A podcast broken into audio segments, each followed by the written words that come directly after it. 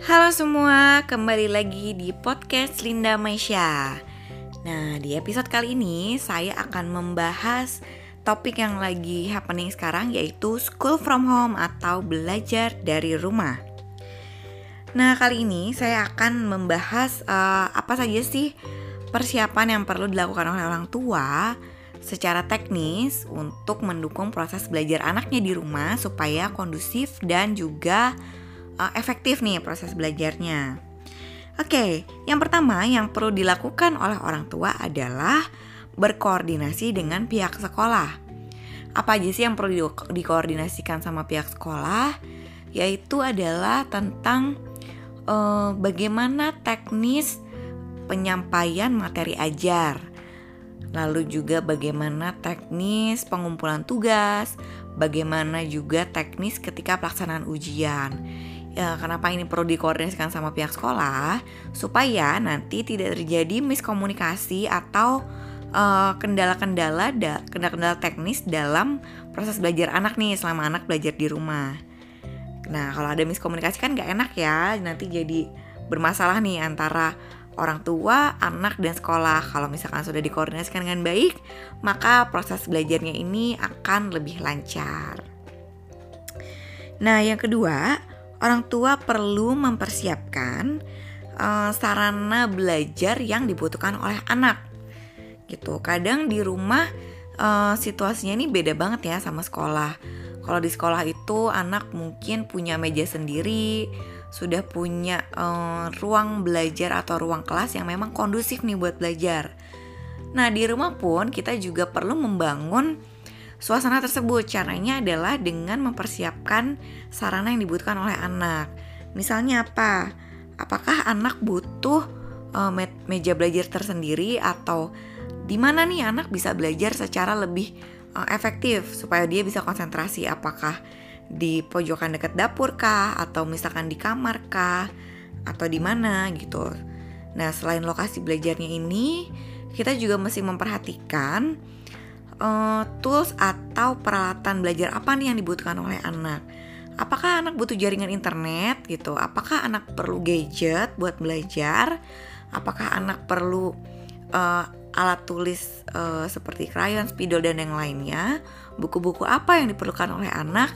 Nah, ini adalah media media-media pendukung belajar atau sarana belajar yang perlu disupport oleh orang tua dan perlu dipersiapkan uh, juga oleh orang tua supaya proses belajar anak menjadi lebih lancar.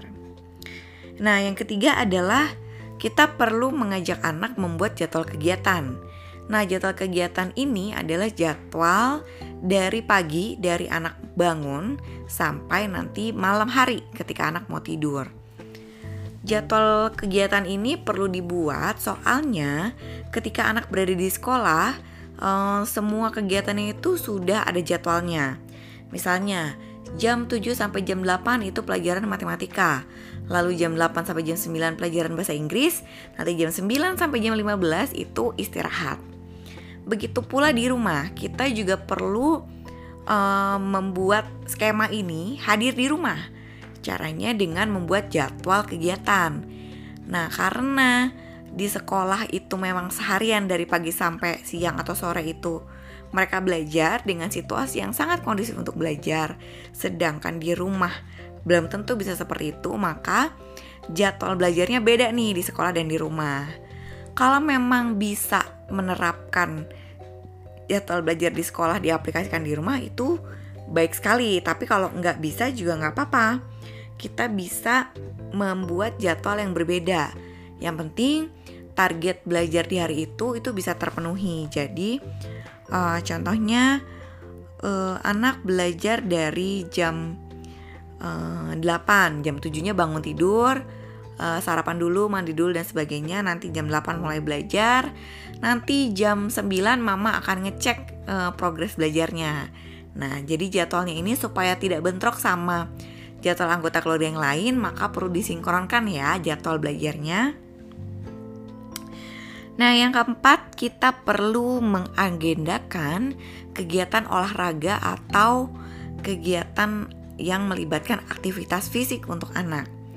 Kenapa ini menjadi penting? Karena ketika anak belajar di sekolah, mungkin secara tidak sadar anak ini punya aktivitas fisik yang cukup tinggi. Contohnya apa? Contohnya adalah ketika dia mulai e, bersiap diri untuk belajar e, atau untuk berangkat ke sekolah. Mulai dari mandi, lalu e, perjalanan ke sekolah, sampai di sekolah dia harus berjalan ke kelas atau misalkan sistem kelasnya moving class, maka dia harus berpindah dari satu kelas ke kelas yang lain atau dia harus ke ruang guru kalau istirahat dia harus ke mana ke mana ke mana. Nah itu kan semuanya membutuhkan aktivitas fisik. Sedangkan kalau anak belajarnya di rumah aktivitas fisik itu menjadi sangat minim sekali atau uh, tidak memenuhi uh, kebutuhan gerak yang seharusnya jadi perlu diagendakan nih kegiatan olahraga buat anak-anak kita supaya mereka tidak kurang gerak Nah, yang kelima adalah kita perlu mengagendakan kegiatan bersama dengan uh, seluruh anggota keluarga yang ada di rumah. Kenapa ini menjadi penting? Karena meskipun semua orang ada di rumah nih, misalnya orang tuanya masih work from home, tapi bisa jadi semua orang ini sibuk dengan aktivitasnya masing-masing. Sehingga kualitas hubungan antara anggota keluarga ini tidak bisa terbangun dengan baik meskipun orangnya semua ada di rumah. Nah, kalau misalkan kita mengagendakan aktivitas bersama, contohnya kayak misalnya sesederhana sarapan bersama, makan siang bersama, makan malam bersama, atau ibadah bersama, maka bonding atau uh, kualitas uh, hubungan antara anggota keluarga ini bisa terbangun. Tapi syaratnya ketika beraktivitas bersama maka setiap anggota keluarga ini juga mesti tune in nih ada di tempat tersebut baik fisik maupun pikirannya. Jadi kalau lagi makan bareng jangan ada yang main handphone kalau misalkan lagi uh, misalnya lagi ngobrol bareng nih sore-sore pas jam istirahat sama-sama orang tuanya istirahat anaknya istirahat dari kegiatan masing-masing maka saling mendengarkan saling uh, memperhatikan satu sama lain jadi hubungannya ini attachmentnya ini bisa terbangun dengan baik Oke, itu adalah beberapa hal-hal teknis yang bisa dipersiapkan oleh orang tua untuk mendukung proses belajar anak selama anak belajar di rumah. Nggak terlalu susah ya, bisa ya dilakukan. Oke, selamat mencoba. Sampai jumpa di episode podcast berikutnya.